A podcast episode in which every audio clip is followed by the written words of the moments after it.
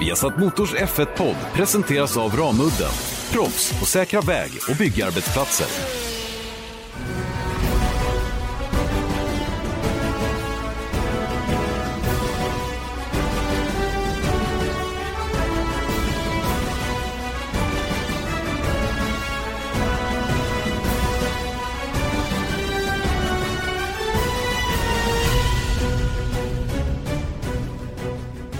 Varmt välkomna till veckans Formel 1-podd. Vi har satt Motors Formel 1-podd Janne Blomqvist, Erik Stenborg som idag självklart snackar ner vad som kan bli årets race. Redan alltså. Kanske vi har sett årets race i Formel 1, nämligen Bahrains Grand Prix. Eh, vi har en special guest också. Vi ska nämligen få ett långt härligt snack med Indycar-föraren numera Marcus Eriksson, men som har också god insikt förstås i Formel 1. Och Ehm, ja, vi har våra överraskningar, våra besvikelser och lite annat Erik som vi ska ladda upp för också. Ehm, hur känner du så här dagen, dagarna? Jag, jag vet inte vilken dag det är. Det är inte dagen efter Bahrains Grand Prix, det är dagen dagen efter. Mm, men det var dagen efter du kom hem och det var knappt så att du gjorde det har jag förstått. Det var eh, en klassisk blomkvistare som skedde på söndag kväll. Eh, jag är ju inte känd för min kyla i vissa situationer. Det här att inte bli stressad och, och ta konstiga beslut. Det är faktiskt en stor brist jag har, som jag jobbar med. Det, det, man kan väl säga så här, du är känd för att bli stressad och ta konstiga beslut. Ja, men så är det. Jag, jag, du, du är mera rakt fram med det, ja. så att säga. Och det, det, där är helt korrekt. Va? Och det var precis en sån grej som hände i söndags. För vi hade lite halvbråttom till flyget. Så vi stängde butiken på en gång. Många undrat om jag har dött och inte finns bloggen. Vad, vad är det som händer? Var är jag någonstans? Men, men jag kan säga så här, de hade väl bara åtta timmar innan flyget gick eller någonting sånt där. Typ, typ. Mm. Nej, det hade vi inte, men hälften. Nej, hur som helst. Vi skyndade oss i alla fall, för vi vet att trafiken kan vara ett issue när man ska ut från, flyg, eller från banan och åka till Bahrains flygplats. Så att vi, jag och Björn, vi lastade oss och drog iväg och såg bilkön ut och den var magisk. Du vet, mamma såg en miljard bakljus som försökte komma ut från parkeringarna där. Men då hade vi som röta så att då öppnade man upp infartsvägen också utåt. Så vi kunde liksom rinna igenom en liten, ett litet hål där och ut på infartsvägen. Ut från banan och ut på första motorvägen. Sen kommer man fram till T-kors ut på nästa motorväg och där blir vi också kvar på vägen in till banan fast ut från den. Fattar ni? Det gör ni säkert. Så att vi, vi tuffade på där och eh, jag inser ganska snabbt att fasen vi har en avfart där framme som vi måste av på. Och den är ju på andra sidan refugen. Mm. Eh, och, och, i det här läget så är normalt funtad människa, den stannar ju till vänster. Stannar till, kollar i telefonen, finns det någon annan väg till flygplatsen? Eller måste vi över refugen? Vilket är för en normal människa återigen omöjligt. Men, men eh, jag, jag gick ju på det första. Vi måste över refugen. Så jag bara började styra upp mot refugen. Sakta, inte jättefort givetvis. För man, man kan inte slå sönder bil. Men du vet, bara över kant, första kanten. Och sen har vi underredet, tar i och så sitter vi fast. Eh, på refugen som är grusbelagd. Eh, och Björn ur och försöker hoppa upp på huven så att vi får lite tryck på fram, det enda framhjulet som har eh, liksom och problemet är att det andra framhjulet står ju på asfalten. Och diffen gör ju att den är ju, det bara står och snurrar på insidan. Och det är som när, man gör, när det händer något på snö typ. Eh, så det funkade ju inte. Så vi höll på att jucka fram och tillbaka, försöka komma därifrån. Ingenting funkade. Till slut går jag ur bilen också. Eh, ej medveten om att backen fortfarande är i, för jag märker ju inte att backen är i där. Jag trodde att jag hade lagt i, i friläget, för det var en automatväxlad bil. Så hoppar ur bilen och det var väl inte så konstigt, jag hade ju snabbt kunnat hoppa in igen. Problemet var att vi båda slår igen dörrarna. Och vad händer? Bilen går i baklås. så vi kommer inte in i bilen igen och den står med backen i, och högerhjulet snurrar i gruset. Det är jättebra. Köp, vad var det för bil? Jag tror inte... Ja, det var en Nissan Altima. Nissan Altima ja. funkar ju bra som helst. Köp inte en Nissan Altima i Bahrain. Nej. Ifall, ifall att den är... en svart. Så att vi fick ju vi fick hela bahrainska militären, polisen, brandkåren att dyka upp. Mm. Och eh, så fort att de brandkåren kom, de gjorde en sån här liten fin med, de böjde ut eh, bildörren lite grann och så hade de en tjock ståltråd så de fick ner fönsterhissen. Och så var det ju världens lättaste att komma in och sen var de ju åtta man som lyfte bilen fri. Problemet för oss var ju bara, då hade ju polisen kommit, motorcykelpolisen, och han ville vara lite barsk. Så han sa det, what happened here? Och jag förklarade vad som hade hänt och han bara, du, du, du, du, du, du skulle ha åkt på här, det är ju bara att ta nästa vänster så kommer du mot flygplatsen. Ja, men det visste inte jag, sa jag, för jag hittar inte här. Så att eh, vi fick eh, åfölja följa honom, han tog mitt körkort och så åker han iväg och så stannar vi på ett nytt ställe där det står en tre, fyra kollegor och eh, kliver ur. Och jag försöker då bara, hallå snälla ge mig mitt körkort så vi kan åka, det är inget fel på bilen. Och han, han, han är sådär, du vet, han vill bara nästan ge det till mig. Va? Men då kommer någon av hans kollegor och säger, du, ni måste åka och skriva en accident report på polisstationen. Så föll den här polisen, ja, så bar iväg och så in på den polisstationen. Och den polisen som satt där inne, han hade ju ingen aning om vad vi hade gjort. För det var ingen som följde med mig in. De bara gav mig mitt körkort utanför polisstationen. Så vi gick in och så förklarade vi vad som hade hänt. Och han frågade bara så här lite trött, ja men är det något fel på bilen? Nej, det är inget fel på bilen. Nej men åk då, sa han. Så att eh, vi kom till flyget eh, i, i skaplig tid i alla fall. Och sen visade det sig att flyget var fyra timmar försenat. Mitt alltså. Björns flyg var inte det, men mitt flyg var det. Så att, eh, jag hade inte behövt stressa någonting. Nej. Och jag vill bara poängtera här, bara för att liksom säkerställa att alla förstår hur gott om tid ni faktiskt hade. Att det här måste ju tagit en och en halv timme, en timme i alla fall. En timme, ja. ja. Och det var ändå gott om tid till flyget. Så typ. det, är lite, det är lite synd att det blir så här så ofta. ofta skulle jag väl inte påstå att det här blir så här. Men jag är Nej, varannan vecka då. Ja, men jag är ju lite hjärndöd när det gäller det här. Men vi var likadana, både jag och Fotomangen. Vi, var liksom, vi hatar att vara försenade och vi tog höjd för allt. Mm. Allt. Ett stopp på motorväg, vad som helst. Man ville liksom inte hamna i den situationen. Och det är egentligen bottnar i det bara en massa dum stress som man har innan saker och ting har hänt. Så att, ja, ja. Så är det du, i, alltså, i Janne Blomqvists liv. Ja, vi kanske ska ha lite liksom, terapisession här varje gång också. För Jättebra. det var ju det förra veckan och det kan vi lika gärna fortsätta. Ja, vi kör ja. på. Vi kör på. Men hur du, jag tycker att det var toppen race och vi ska komma till det lite senare. Men ska vi inte lyssna till Marcus Eriksson direkt ifrån Indianapolis? Frukost i Indianapolis. Nybryggt kaffe. Ikea-kaffe. Svensk kaffe. Ikea-muggar också ser jag. Ja, det, det är med. Ikea allting i den här lägenheten. eh, ny, ny vecka, ny racevecka för, för Indycars del. Eh, har du smält det som hände på Kota till att börja med? Ja, absolut. Alltså, det är historia nu. Eh, jag tar med mig, visst självklart det var surt som tusan och, och jobbet inte få med sig ett, resultat, men jag tar med mig så himla mycket positivt. Och det race jag gjorde, den racecraften jag visade igen egentligen efter sagt tid, det är det jag tar med mig och liksom bygger vidare på nu till, eh, till helgens race. Men apropå det då, vad, hur, hur jobbar ni med kvalen i, eh, i teamet?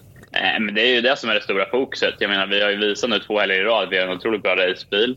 Och att, eh, att jag är minst lika bra, om inte bättre, än, än någon annan i den här serien på att just racea. Så det är kvalet som liksom är det stora problemet. Vi kan inte fortsätta att starta mellan 15 och, och 20 liksom, för det blir för mycket, för mycket jobb framför oss på söndagar.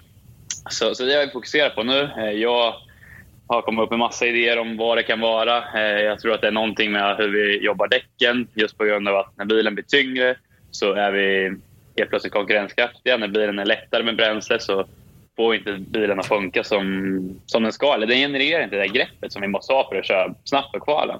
Uh, nu fick vi oflyt i förra kvalet i, i Kota för att vara rödflagg där, så vi fick ingen försök på, på de mjukare däcken. Men jag tror ändå inte, och det sa jag till team också, vi hade kunnat kvala kanske 10-12 på ett perfekt kval, tror jag, med den farten vi mm. hade i Kota. Uh, och även i St. Peter också att det var ungefär där vi var fartmässigt. Och det är inte bra nog. Vi måste, kunna, vi måste kvala topp 8 i snitt. Kan vi ligga topp 8 i snitt kan vi komma på pallen och vinna race varje söndag. För det har vi kapacitet till att göra.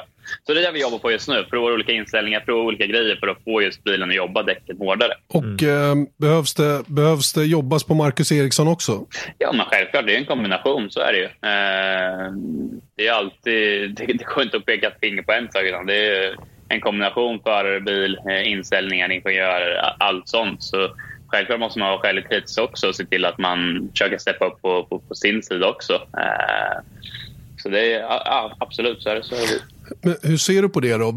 Alltså när, när ni analyserar så att säga, vad, men är merparten på bilen kort och gott? Eller är det liksom, finns det något i körningen att förändra också för att liksom komma in i matchen lite bättre? Nej, men jag tror ett av problemen som, som lätt blir när du har en bil som inte när du inte riktigt är konkurrenskraftig. Att det, det är lätt att du, du pressar gränserna lite för mycket. Och det är en gammal klassisk grej att du, liksom, du vill mycket eh, och så har du inte riktigt materialet till att göra det. Och Då är det lätt att du börjar överköra lite och då går det ju som alla vet långsammare.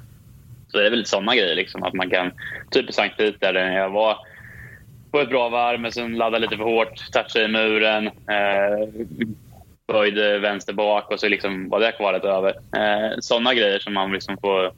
Som sagt, det, det, det som jag har lärt mig i Formel 1. Du kan aldrig köra snabbare än bilen du har. Eh, så det är väl lite sånt som, som är mer just exakt för mig. Då. Jag tänker bara på då, apropå att när en bil är så pass bra och det, det, hade ju du på känn redan på lördagen efter kvalet, eh, eller inför racet, att ni skulle ha en snabb racebil. Sen så såg man ju då att Ganassi, som Felix kör för, eh, var väldigt snabba på kvalet, men de hade det jobbigare i racet. Kan det vara ett problem sen när ni, eh, jag menar, när Indycar är så jämnt och det är en typsklass och allt vad det är, kan det bli så att man liksom kompromissar racefarten om man hittar saker till race, eller till kval menar jag? Det är det som är den lilla eh, fina grejen med Indycar, att du har ingen par framme efter kvalet. Så det kan ju vara så att kan vi hitta en kval bil, en kvalinställning till kvalen som är riktigt bra, så har vi fortfarande kvar... Då måste vi liksom ha mm, balls nog och liksom kunna ändra om bilen igen till den racebilen som vi vet funkar, eh, som mm. vi vet är stark. Så det är väl det som är grejen. Och det är lite som du säger, där. Vi, vi såg att Chip Ganassi Felix var väldigt starka i Kota på ett varv, men de hade mer problem på long run sen. Och, och det, så blev det ju race också. Så där är lite, de har lite kanske mm. andra sidan av problemet. Då även om de var starkare i racet i Saint Pete. Men, eh, men det, är, det, det är en enhetsklass, det är väldigt små marginaler. Och vi, som sagt, vi måste hitta en bil som är bättre på, på ett varv på kvalen när bilen är tom i tanken. Liksom. Det är det som är vår utmaning.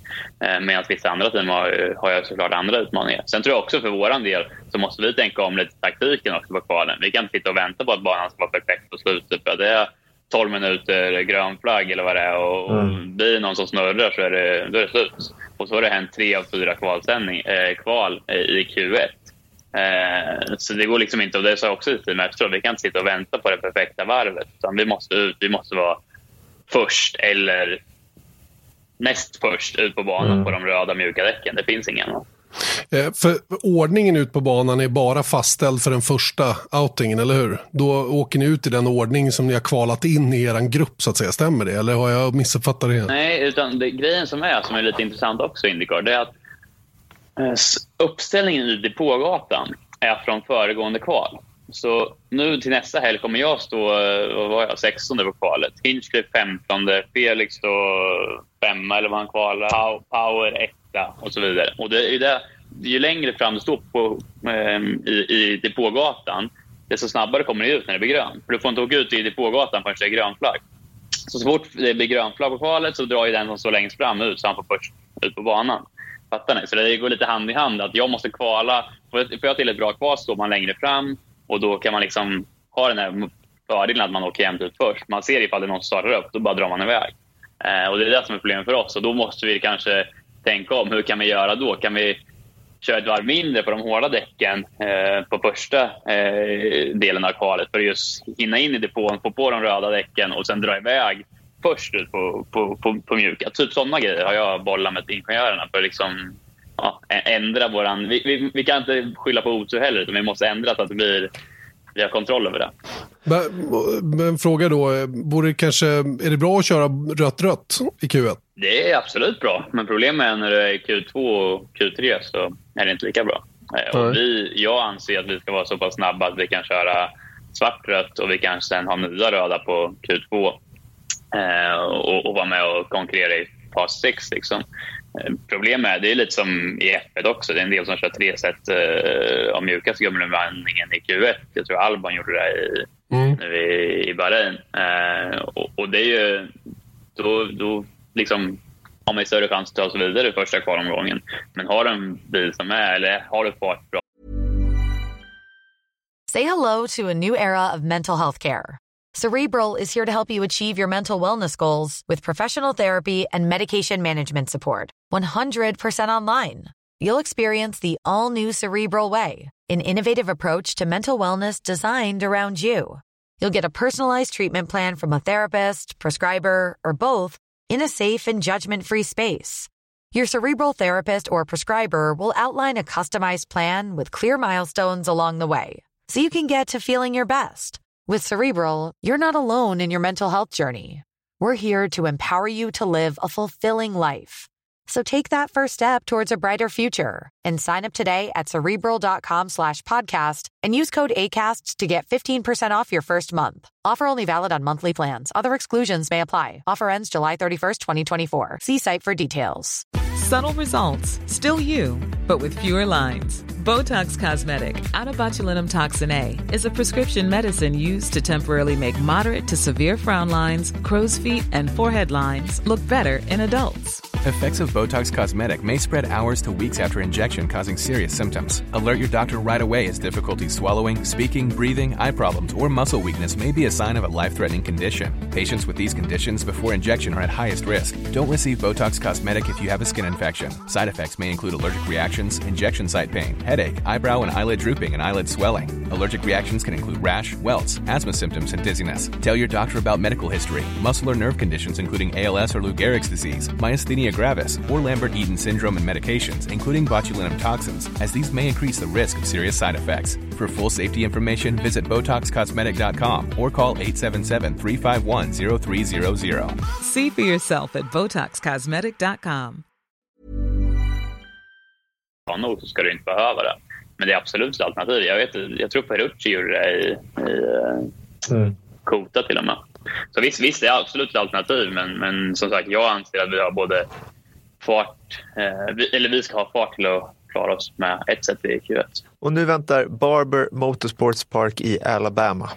En eh, bana som du inte har kört på. Eh, i inför premiären i, i St. Pete, det var också en bana som ni inte hade kört på, men då var det väldigt mycket tester för att ställa in, eller få in inställningarna till just den banan. Nu är det ju liksom lite andra förutsättningar så att säga. Ni, ni har inte testat inför den här banan specifikt vad jag förstår. Eh, hur är din approach för för kommande helg? Ja, alltså det, det, är väl det som är det vi jobbar med mest här borta i Indycar inför helgerna. Alltså som du sa, inför eh, St. Peter så hade vi Sebring-tester. Det var liksom specifikt för att ställa in bilen för St. Pete. Men, men nu under säsong så är det ju mer att man kör eh, på simulatorer. Vi har en simulator här i Indianapolis som vi använder inför varje race. Och, eh, så där har jag kört Barberbanan. Sen får man ju som, som vanligt, jag studerar mycket videos och sånt där från föregående år som gör att jag liksom, ja, kommer in i det. Eh, men ja, simulatorn är ett väldigt bra redskap för att just komma in i nya banor. Så det är väl det som har varit största grejen. Hur känner du för Barbara? Eh, jag känns skitbra. Eh, som sagt, jag tycker jag har väldigt mycket positiva grejer med mig från de första två helgerna. Även om resultaten inte har varit någonting så har jag ändå jag har fått en boost liksom de här första två helgerna och framförallt senast när jag var så pass stark i racet. Och jag tror jag gjorde mer omkörningar i racet i Kota än vad jag gjort de senaste fem åren ihop. Mm. Så, så det var liksom en jäkla självförtroende-boost efter det här racet och även om inte slutresultatet visade det så var det liksom... Ja, eh, jag tycker jag visade min klass där i, i det här racet och det var, det var skönt att få göra det. Eh, så det tar jag med mig. Och sen som sagt Barber, en bana som som jag gillade skarpt när jag körde en simulator häromdagen. Det är en, en bana som påminner mycket om de här engelska tekniska banorna, typ Bolton Park, typ Brands GP. Det är snabbt, snabba kurvor, svepande kurvor, inte mycket avåkningszoner. Det är gräs och, gräs och, och räcken liksom. Och väldigt teknisk bana, eh, svåra kurvor. Eh, jag tror det är en, verkligen en förarbana och det är sådana banor som jag alltid trivs väldigt bra på.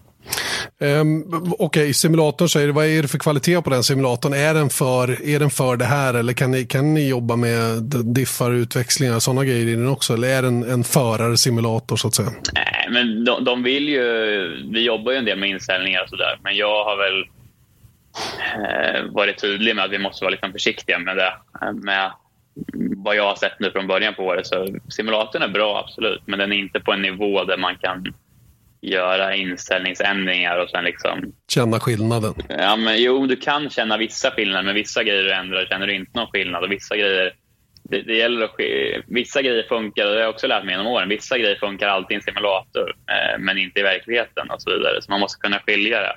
Och därför är det viktigt att man eh, ibland håller tillbaka teamet lite där som förare också. Att man, om man hittar någonting i simulatorn så får man liksom, ja, eh, vara lite neutral där också. Så, ja, det, det kanske är en inriktning som kan funka men vi får inte liksom eh, slå fast i sten att det är eh, en förbättring. Då. Men det är ett jätte, jättebra verktyg till, till mig i år eftersom jag som sagt av vad är det, 15, 15 av 16 banor jag ska köra i år är, är nya. Då. Så, så därför är det ett jättebra verktyg för mig. Du ska hoppa över en, ett race eller? Det är 17, det är 17 banor. Ja, men det är en dubbel det är bara, det är bara 16 ah, banor. Okay. Hallå, Där försökte jag sätta dit dig, men kom det in, gick i, kom inte. in i matchen. Kom in i matchen. Du for, fort, fortsätter att burnar folk här. Ja, exakt. exakt. Exakt, du var lite het på Twitter häromdagen. Ja. Precis. Apropå det här med, med simulator. Eh, du provade att köra oval häromdagen. Ja, men exakt. Jag har ju inte kört oval i verkligheten, men jag fick köra en, en halvdag i simulatorn på, på Indy, Indy-ovalen. Eh, och det var lite kul, för då, eh, då frågade jag innan jag skulle köra där på ovalen. Så sa jag, ja, men är, är det fullt liksom, på den här ovalen? Ja, sa de. Det, man ska hålla fullt där på kvalet. Ja, Okej, så. jag. ja, så hoppade jag i där på simulatorn. Åkte ut på utvarvet, kom till start målrakan. Håll fullt hela första varvet. Kom över linjen, sen gick jag på radion och sa All right, what's next? Hur gör jag nu då? så, ja, det var lite roligt, de skrattade så gott. Men det är det som var, tycker jag var intressant också. Att just, du ska kunna hålla fullt, men sen märkte jag efteråt när vi började jobba att liksom varje liten detalj i körningen är ju det som gör skillnad när det går så otroligt fort. Hur mycket du svänger in, hur skarpt du svänger in, vilken linje du använder, hur mycket du låter bilen eh, gå ut mot muren i utgångarna. Eh, ja, har du lite understyr så skrubbar du lite fart från... Alltså alla de där jättesmå nyanserna, detaljerna, var ju det som gjorde skillnaden sen när vi började liksom jobba. Eh, och, det är det som är väldigt intressant, som man inte kanske tänker på innan. Så du var inte fullärd på 15 sekunder? Helt Nej, jag var inte det, även om jag trodde det. Ja, men, jag trodde, ja, men nu, nu vinner jag. Liksom. Nu, Mm. Jag höll ju full första varv, men så enkelt var det inte tydligen. Fr- Frågan är då, okej nu har du provat på det då, så att säga. Ger det dig någon ny uppfattning om hur det här äventyret kommer att vara? För det blir ju det. Hela maj månad blir ju någonting väldigt, väldigt speciellt som då kulminerar i själva racet då inför nästan 400 000 människor. Ja, eh, ska man säga. Det, det är väl som de har sagt också liksom när man pratar med folk här i, i Indycar och förare och De flesta kommer ju in i själva köra själv på Nova. Liksom. Det, det bygger upp till och så de flesta kan göra det. Och sen handlar det mycket om ja, att ha en bra bil och sen just de här detaljerna med hur, du- hur du styr bilen. Då.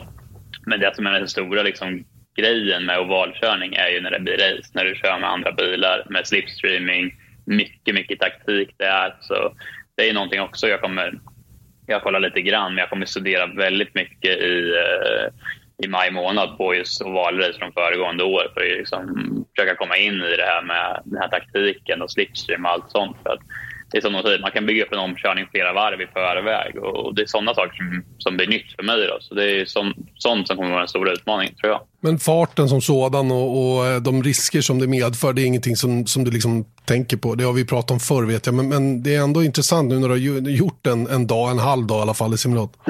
Ja, jag har också funderat på hur man liksom kommer känna eh, när man kör ovaler just på grund av det. Men eh, det är ingenting som jag tänker på nu. Jag frågar lite typ Hinchcliffe, hur, hur tänker han mentalt på en, på en oval? Vad har man för mental inställning? Eh, och han säger också det, att du, du, liksom, du går in i den här bubblan och du, du är en racer. Han, han frågar mig, eh, ja, men hur känner du när du åker ut i Monaco eller när du åker ut Tänker du på att du kan krascha då?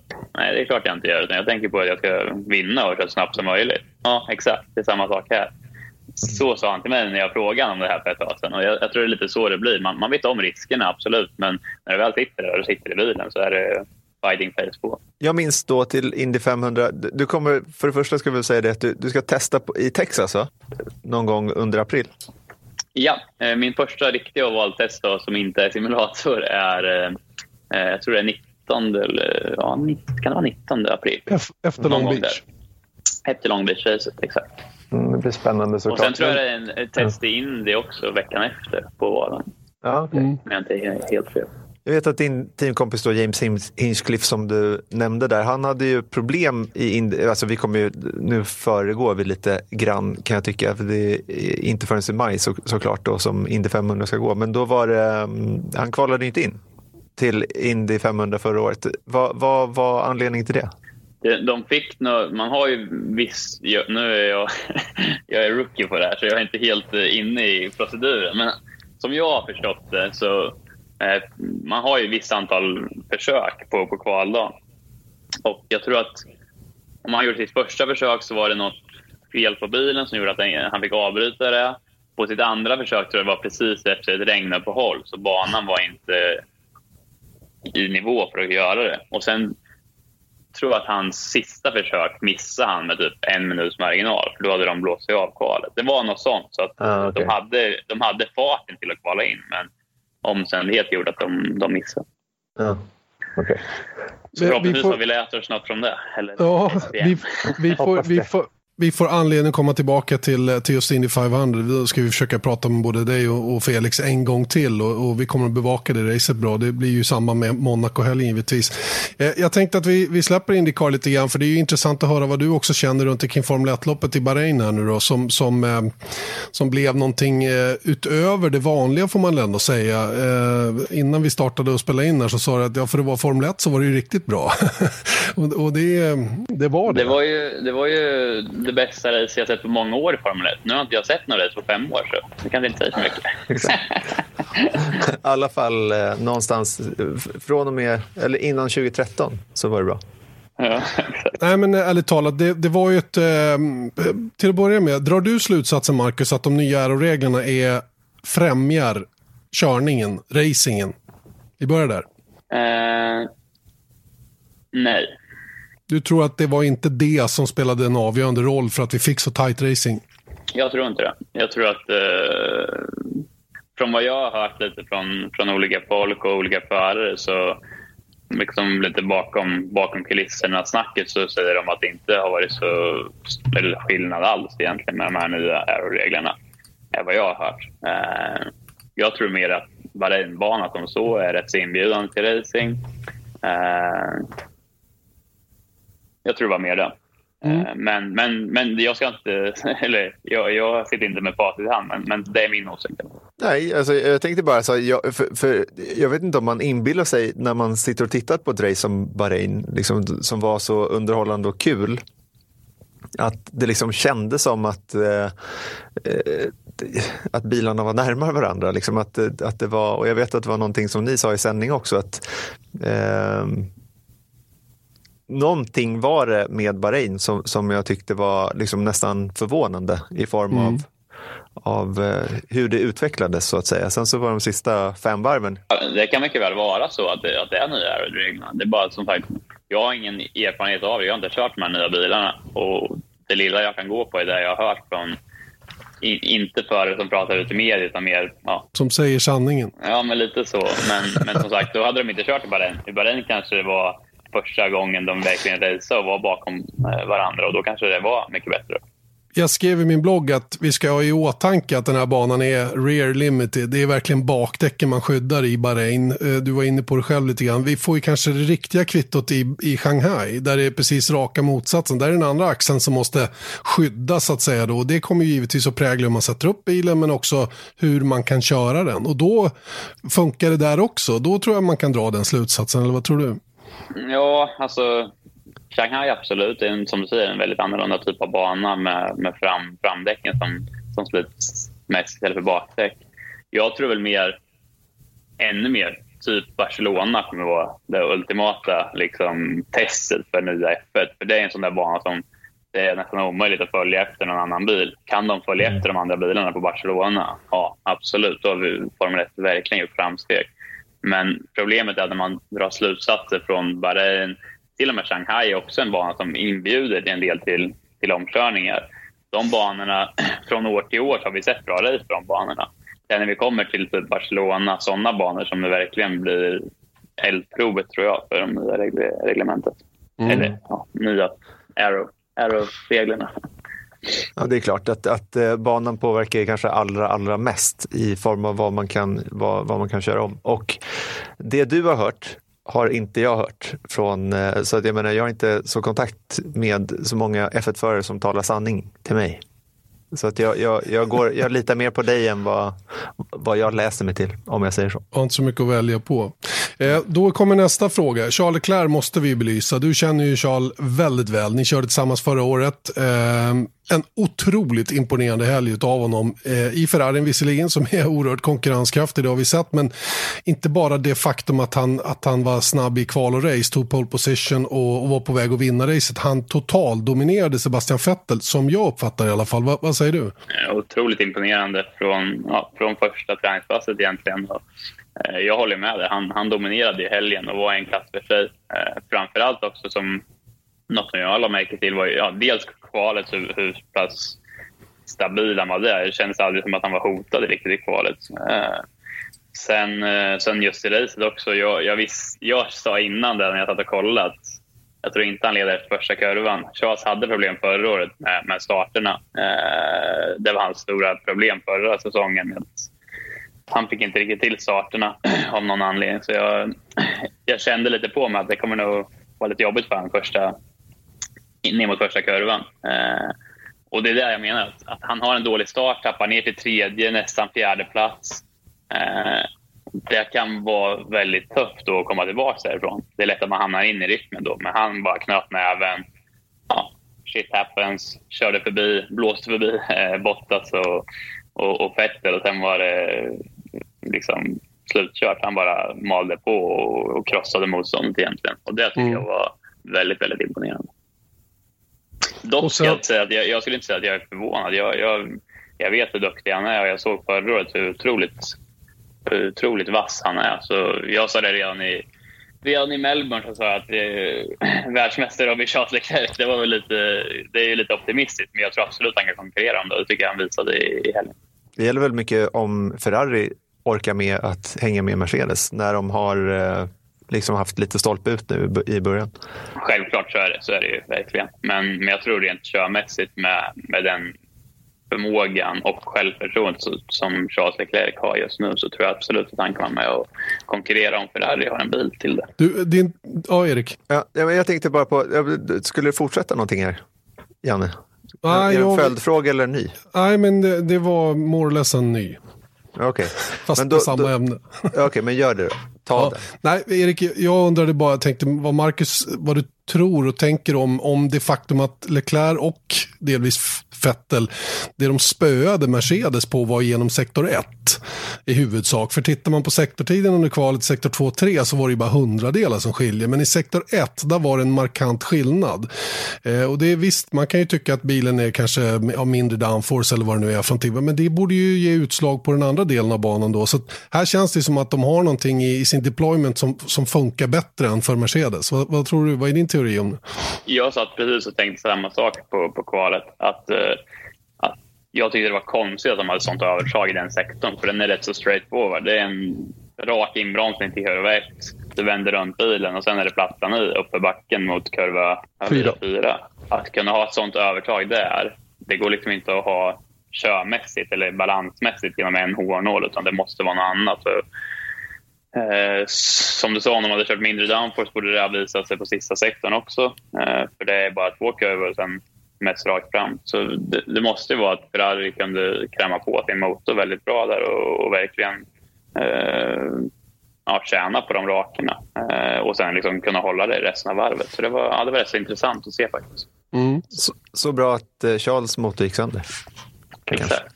Fast mm. det var ju inte ERS som gick sönder dock, eh, utan en, eh, ja, vi vet ju inte vad det var, en miss combustion kallar Ferrari det, om det var trasigt tändstift eller vad det kan ha varit som, som stökade till det för honom. Men, men visst vann Charles Leclerc allas hjärta nu, det, det, får man väl ändå säga när man, när man tittar på facit så att säga. Visst, han blev trea, vilket var lite tursamt också då med tanke på säkerhetsbilen, men, men han var den moraliska vinnaren. Alltså, jag, från, från, min sida så blir jag nästan förvånad över hur många som uttryckte att de tyckte synd om en förare som inte vinner. Jag menar, jag tror nästan aldrig att eh, jag hört det tidigare.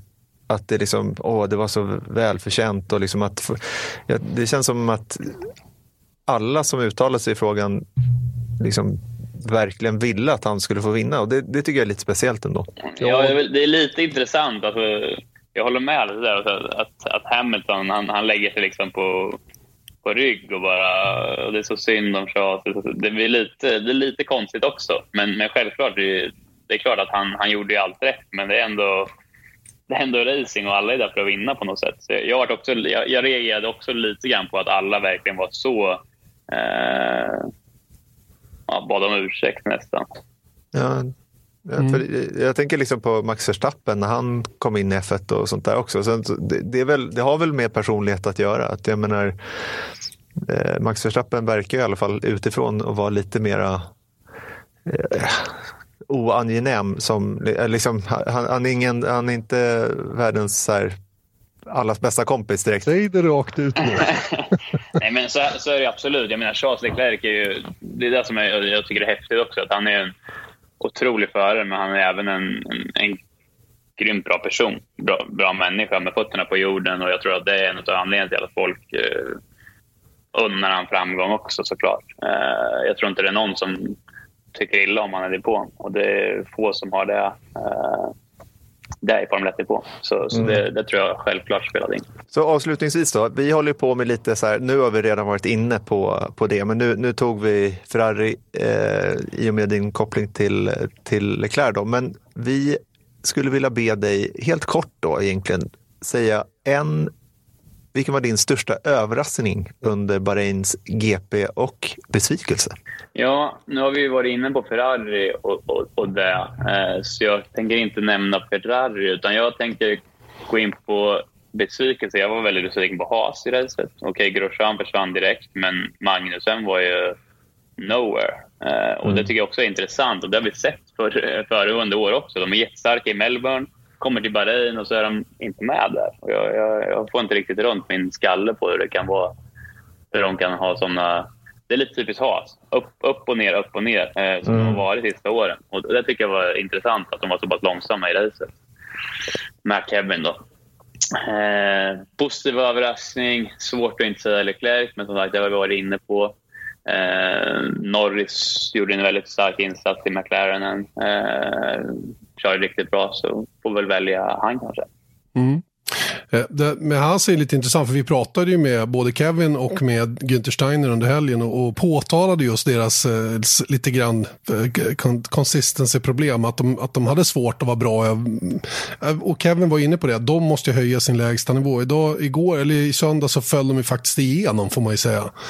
Eh, de konverterade till en enstoppare som de inte lyckades med heller. Alltså det, det, blev inte bra bara kort och gott. Och någonstans var det något fundamentalt som, som inte funkade. För farten, att kvala in sexa i den där bilen, bara 5000 delar bakom en Red Bull, säger ju mig att bilen är bra ändå. Mm. Men någonstans så...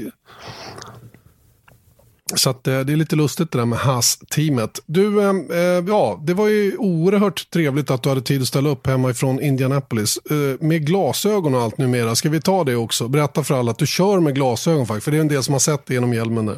Ja, men exakt. Eh, ja, men det var i vinter egentligen jag gjorde mina mina ja, vanliga checkups som man gör varje år. Så det var inga problem med, med synen, men eh, jag kände väl att man kan, man kan gå och göra en, en grundlig undersökning och se. Jag, som sagt, man, jag känner att jag vill försöka vara bäst på alla detaljer och då var det en sån situation att det gick in i min skalle att ja, men jag kanske kan, kan se ännu bättre på banan. Och då gjorde jag lite tester och gick till eh, gjorde synundersökning mer grundligare och ja, märkte att jag kunde se bättre med glasögon. Då. Så då provade jag att köra med det på testerna, tyckte det funkade bra och jag såg lite skarpare. Så då tänkte jag, varför ska man inte använda det då? Det kanske är en mm.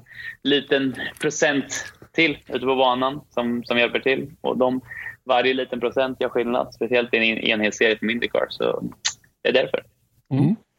Funkar för Sebastian Bourdais. Det ser väldigt smart ut här på eller hur? Du ser ju faktiskt lite begåvad ut, eller hur? Som, som Erik säger, både jag kör ju med glasögon. Det är några stycken som kör med glasögon. Är det, det är inte obekvämt i hjälmen, för det kan ju jag tänka mig att, att skalmar och sånt där klämmer lite. Och Björn, Björn sa till mig i Virdheim att han, nej, men det funkar inte alls att köra med glasögon, så han tyckte inte alls om det. Ja, nej, jag vet inte. Jag, jag, prov, jag provade testerna, tänkte inte på det, utan bara tyckte det kändes okej. Okay. Sen när jag kört liksom. Så nej, för mig har det funkat bra. Kul att få snacka lite med Marcus, tycker jag, ifrån hans kök. Han, gjorde, han gav oss en liten tour med, med sin iPad också. Det ser ju väldigt trevligt ut. Ja, han, har inte dålig, han, han har inte dålig utsikt i minsta fall. Och det sjuka är att det är fullstora fönster från golv till tak. Jag skulle bli höjdrädd om jag bodde där. Mm skulle få hålla till badrummet mycket. Typ, eller ja. sätta upp någonting ner till på fönstret. Ja. Vi, vi, kan väl nämna det att vi skulle prata med Felix också, den här podden. Men det får vi göra nästa vecka för att han, hade, han skulle köra simulator idag. Ja, stämmer. Han hade inte tid med oss. Nej, han håller på att preparera sig, precis som Marcus naturligtvis, då, för Barber Motorsport eh, Park i Alabama, där nästa Indycar-race kommande helg då, i Viasat Motor via Play. Absolut. Eh, Eh, Marcus landade här på slutet då i en av hans överraskningar då, som han sa var Landon Norris. Och eh, eh, jag skulle vilja eh, utveckla det lite. Han, eh, han är nämligen min överraskning också. Jag tycker Landon Norris har överraskat så här långt. Mm. Eh, fartmässigt i Australien under kvalet eh, och eh, samma bra tycker jag insats i kvalet i Bahrain som man den här gången backade upp med väldigt bra racinginsats också. Han går i mål som sexa, det var väl i, i praktiken inte riktigt sjätte plats men med, med Renault som försvann. Men han var med där uppe och de är ett team eh, som, som faktiskt är aspiranter på att vara med i toppen i mittfältet. Och det trodde man inte efter förra året. Och när man dessutom har en så inspirerad gubbe då som, som Lando Norris och en väldigt stark Carlos Sainz. För jag är övertygad om att Carlos Sainz hade varit med där fram också om man inte hade råkat ut för det han gjorde då i början på racet. Va? Så att, eh, Norris, är, Norris eh, ser bra ut. Jag är lite mm. fortfarande tveksam till hans racecraft. Eh, han, han själv medger ju det efteråt att han var lite, så här, lite tam och ja. Jag tror att han behöver tuffa till sig lite grann. Då kommer han att bli ännu vassare och svårare att tas med för de andra. Men det är kanske en liten inlärningsperiod. Va? Men jag såg det redan i efteråt tycker jag att han hade lite, han, han hade lite svårt tycker jag i, i man-man-dueller och lite sådana grejer. Men, men uh, han var väldigt, väldigt stark i söndags. Ja. Ja, men, jag tycker också att uh, det är bara starkt av en rookie. Liksom, att även om, om det fanns anledningar till att han kom uh, sexa, alltså att folk bröt framför honom, så är det ändå liksom någonting man måste hålla ihop. Och framförallt kvalen är ju helt magiska. Verkligen. Han är, han, är, han, är jätte, han är ju jättesnabb eh, i grunden. Det är ju det som, det är det som gör att han får en bra startposition. Eh, och, och, så. Men han fick ju faktiskt stryk av Carlos Sainz den här gången i kvalet. Va? Men båda, det är det jag vill komma till. Va? Båda McLaren-bilarna ser bra ut när de väl får det att funka. Nu verkar ju akilleshälen vara Renault. Eh, lite grann då. Eh, och Renault själva fick ju smaka på det också. Då. Men, men eh, Norris och min andra överraskning är faktiskt då McLaren. Vilket mm. kliv de har tagit från förra året till i år. Eh, och det är kul att se att de faktiskt ser ut att eh, lyckas med, med den här vändningen så att säga. Då. Nu är, har de ju bara kommit en, en, de är egentligen bara tillbaka där de var för något år sedan och vill ju ännu högre upp. Men, men, att inte hamna i fritt fall som till exempel Williams, det är ju, det är ju bra gjort tycker jag. Mm, verkligen. Eh, du, du, vi, ja. vi förklarar konceptet. Förra veckan så inledde vi det här äh, konceptet med eh, överraskningar och besvikelser. Och då hade vi tre överraskningar och en besvikelse så gjorde vi tvärtom. Men det blir lite långt. Så nu kör, kör vi varannan vecka överraskningar, tre stycken, och besvikelser, tre stycken. Och då får mm. vi varva. Så nu är du the good cop och jag är the bad cop. Just det, så är det. Och jag är... Ja, förlåt andra överraskningen som du har, vad har du då? Eh, Bahrain. Bahrain International Circuit. Kan man ha någon annan som överraskning egentligen? Eller överraskning, jag vet inte ens om det är det. De får bara gott betyg. Vi var väl rätt inne på alla egentligen att, att BIC, eller Bahrain International Circuit, är en väldigt trevlig och bra eh, Formel 1-bana. Och Björn Wirdheim älskar ju eh, layouten på den och var inne på det i Björns banmagasin att han tycker det är en genialisk design på den så som den är uppformad, eller utformad. Men ja. oavsett, oavsett vad va, så, så levererar den. Och det är inte första gången den gör det. Och eh, med, sammantaget också med de nya äroreglerna, även om inte Marcus gick med på att de kanske hade så stor påverkan, så, så tror jag ändå att det är det, det tillför i alla fall åt det positiva hållet att det blev så pass bra racing som vi hade i söndags.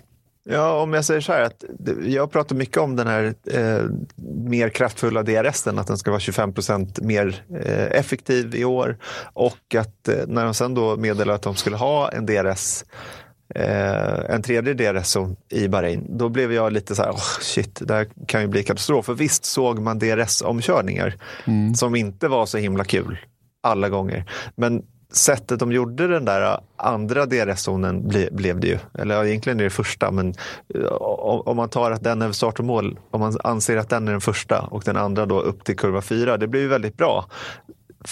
Tack vare hur de hade placerat den.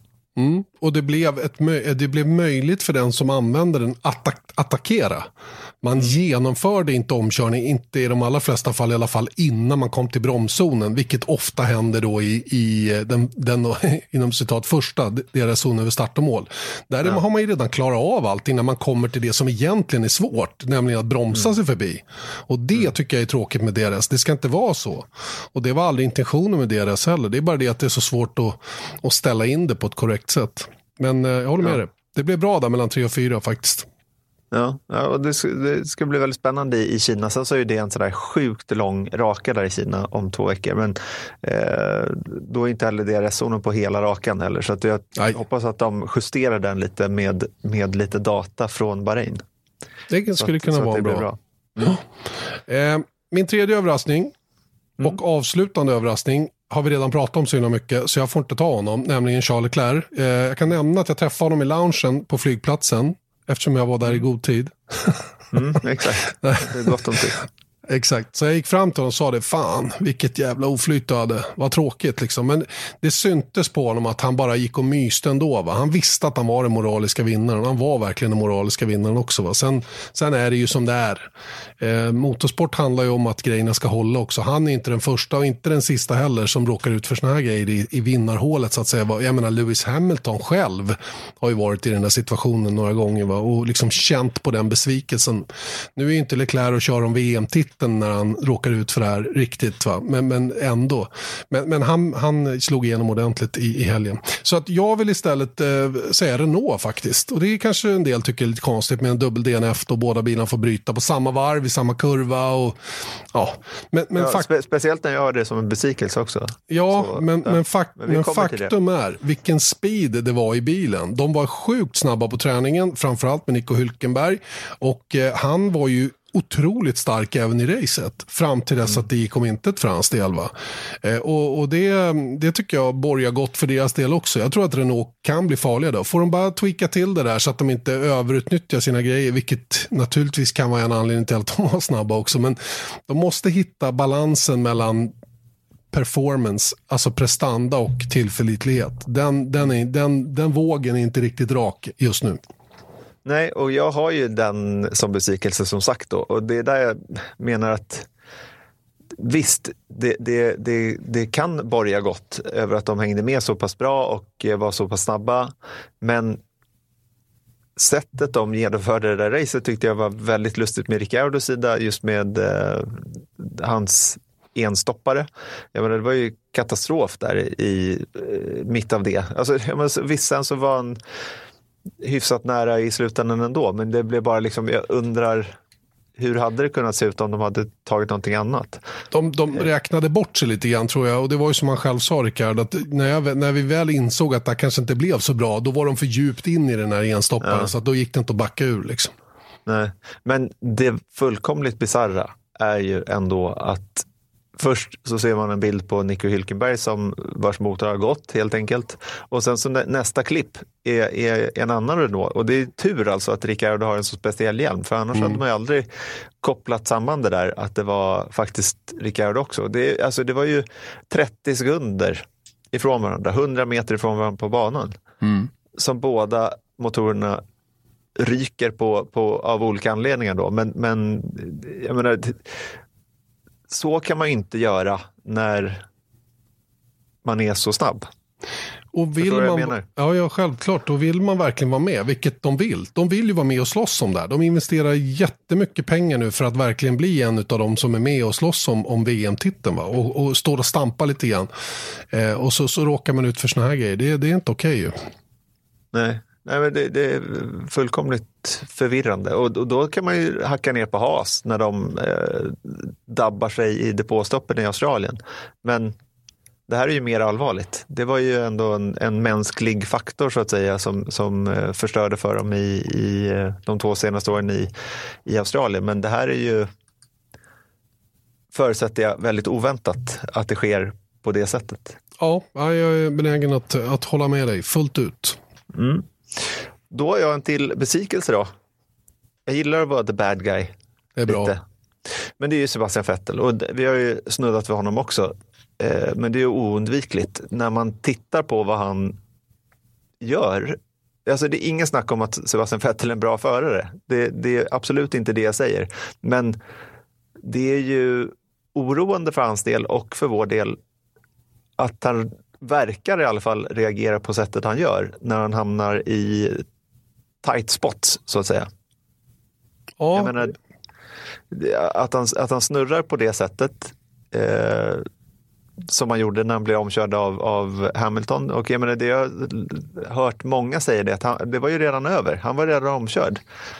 Så, att, så att, att han då trycker gasen i botten och tappar bakänden och förstör hela racet där.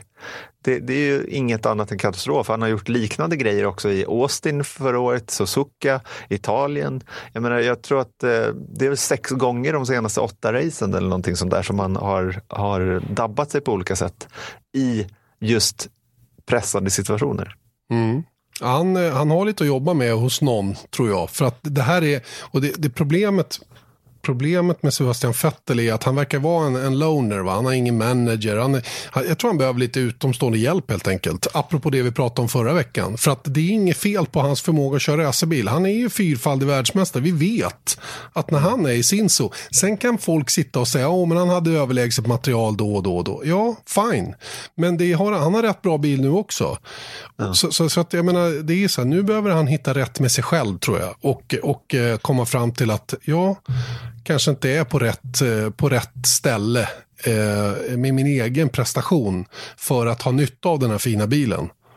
Som, mm. som Ferrari uppenbarligen har. Och eh, där det, han behöver ta det på allvar tror jag. Och inte bara den här nonsensförklaringen som han själv kommer med efteråt. Att ja, han tar ju på sig det. Det är inte frågan om det. Han säger det var mitt misstag, inget snack. Va? Men det var inte för att jag var under press säger han. Utan mm. det var ju så att när jag, jag var, blev själv väldigt överraskad över att jag spann upp bakhjulen och när det hände då var det redan för sent. Mm.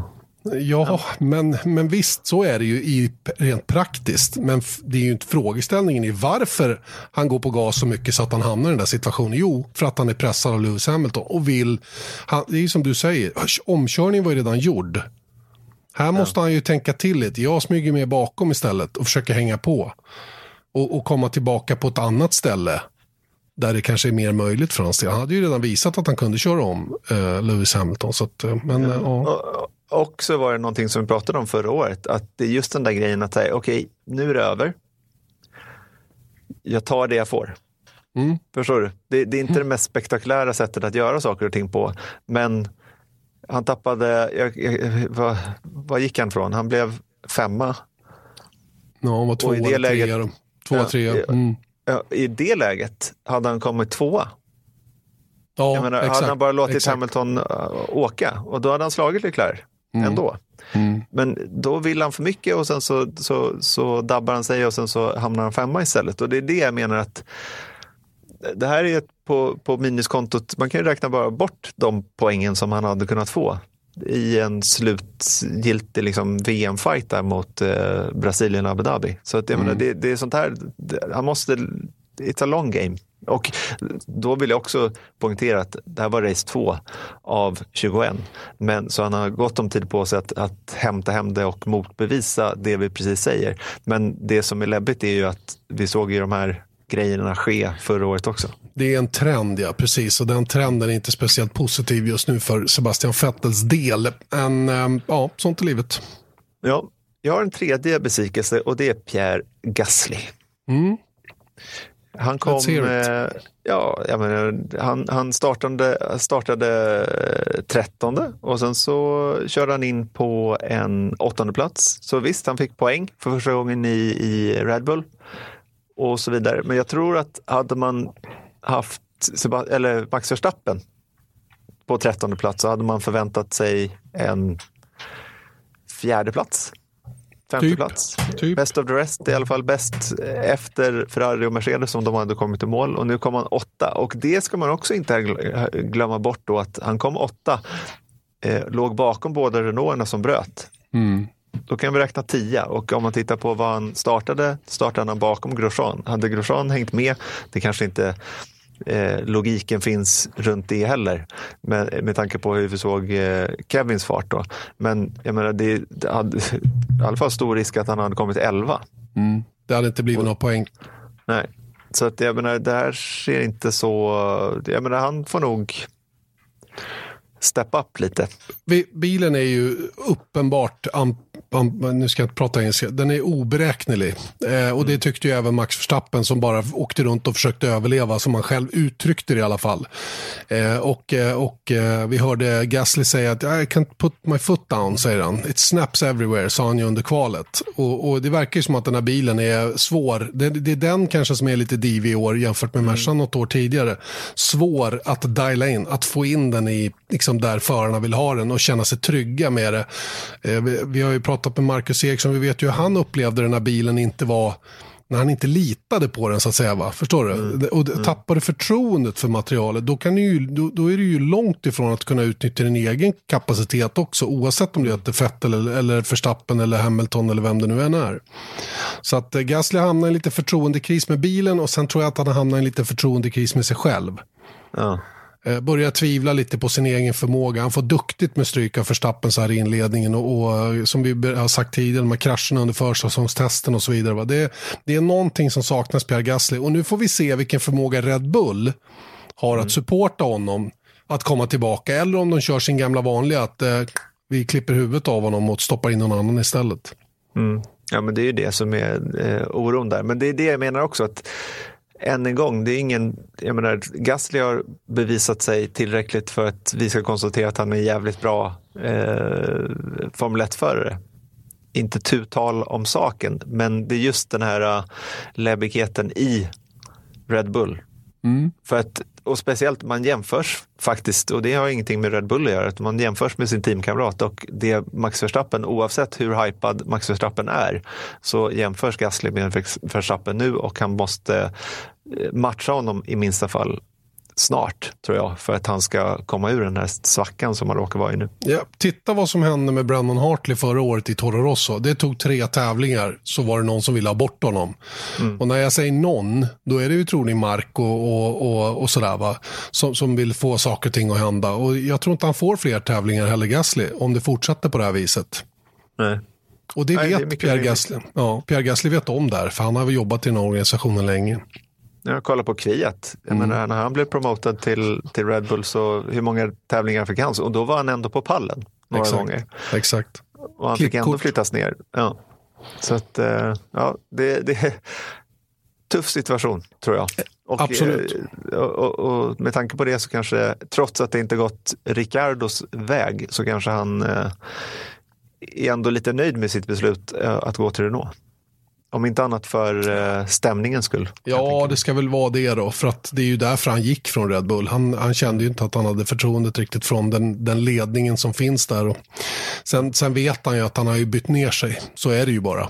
Ja, men det, det tror jag han gjorde med mm. fullständig vetskap om den mm. saken. Mm, mm. All right, där var våra överraskningar och besvikelser efter Bahrains Grand Prix som som sagt då redan aspirerar på att bli årets race, tror jag. Vad tror du? Jag hoppas inte det, för då har vi bara sämre tävlingar kvar. Och med 19 chanser kvar, så ja, ja, kanske lika bra. Då. Men jag, jag tror att det kommer bättre. Jag hade ett bra Kinas Grand Prix förra året. Ja, Kina, Baku var inte så dumt det heller. Nej, nej, nej. Så att, du, det finns massor med goda chanser kvar till, till fantastiska grejer. Helt övertygad. Yes. Men eh, vi får väl se vad Barber Motorsports Park levererar i helgen då. När vi Just ska kolla det. på Indycar. Just det, ingen rast, ingen ro. Eh, vi är på det igen då eh, till, till, på lördag med kval och på söndag med, med race. Och då gör faktiskt Rickard Göransson debut i kommentatorshytten också. Mm. Det ska bli kul att se. Ja, verkligen. Och höra framför allt. Ja, framför allt. måste jag säga. Nej, men det, det är kul med Rickard. Han är ju gedigen och erfaren och jag vet att han har förberett sig väl och sådär. Så det kommer att bli alldeles utmärkt bra eh, på alla sätt och vis. Och som sagt, det ska bli kul att se när man hör Marcus prata om det här problemet de har med kval. Så förstår man att de, de sitter inte och vilar och, och, och, och liksom väntar på att det ska hända någonting. Va? Utan Nej. här jobbas det stenhårt och man letar lösningar och, och det är bara att hoppas att han och teamet kommer fram till någonting som faktiskt funkar eh, bättre då när man kommer dit. Yes, yes box. Eh, och med det så är väl denna podcast klar för den här veckan. Vi kommer tillbaka nästa vecka. Det gör vi. Och missa nu inte nästa vecka, för då är alltså Felix Rosenqvist gäst. Mm. Eh, det ska bli otroligt kul att höra vad han tycker och känner in efter de här. Då är det ju dagen efter tredje racet som vi träffar honom. Eh, och det ska bli kul att höra, eh, lite beroende på hur det går där också givetvis. Men, men spännande att, få reda på hur han känner efter tre race då i Indycar. Absolut. All right. Let's do it. Vi har, har det så gott då. Detsamma. Hej då. Hej, hej, hej. Viasat Motors F1-podd presenteras av Ramudden. Proffs på säkra väg och byggarbetsplatser.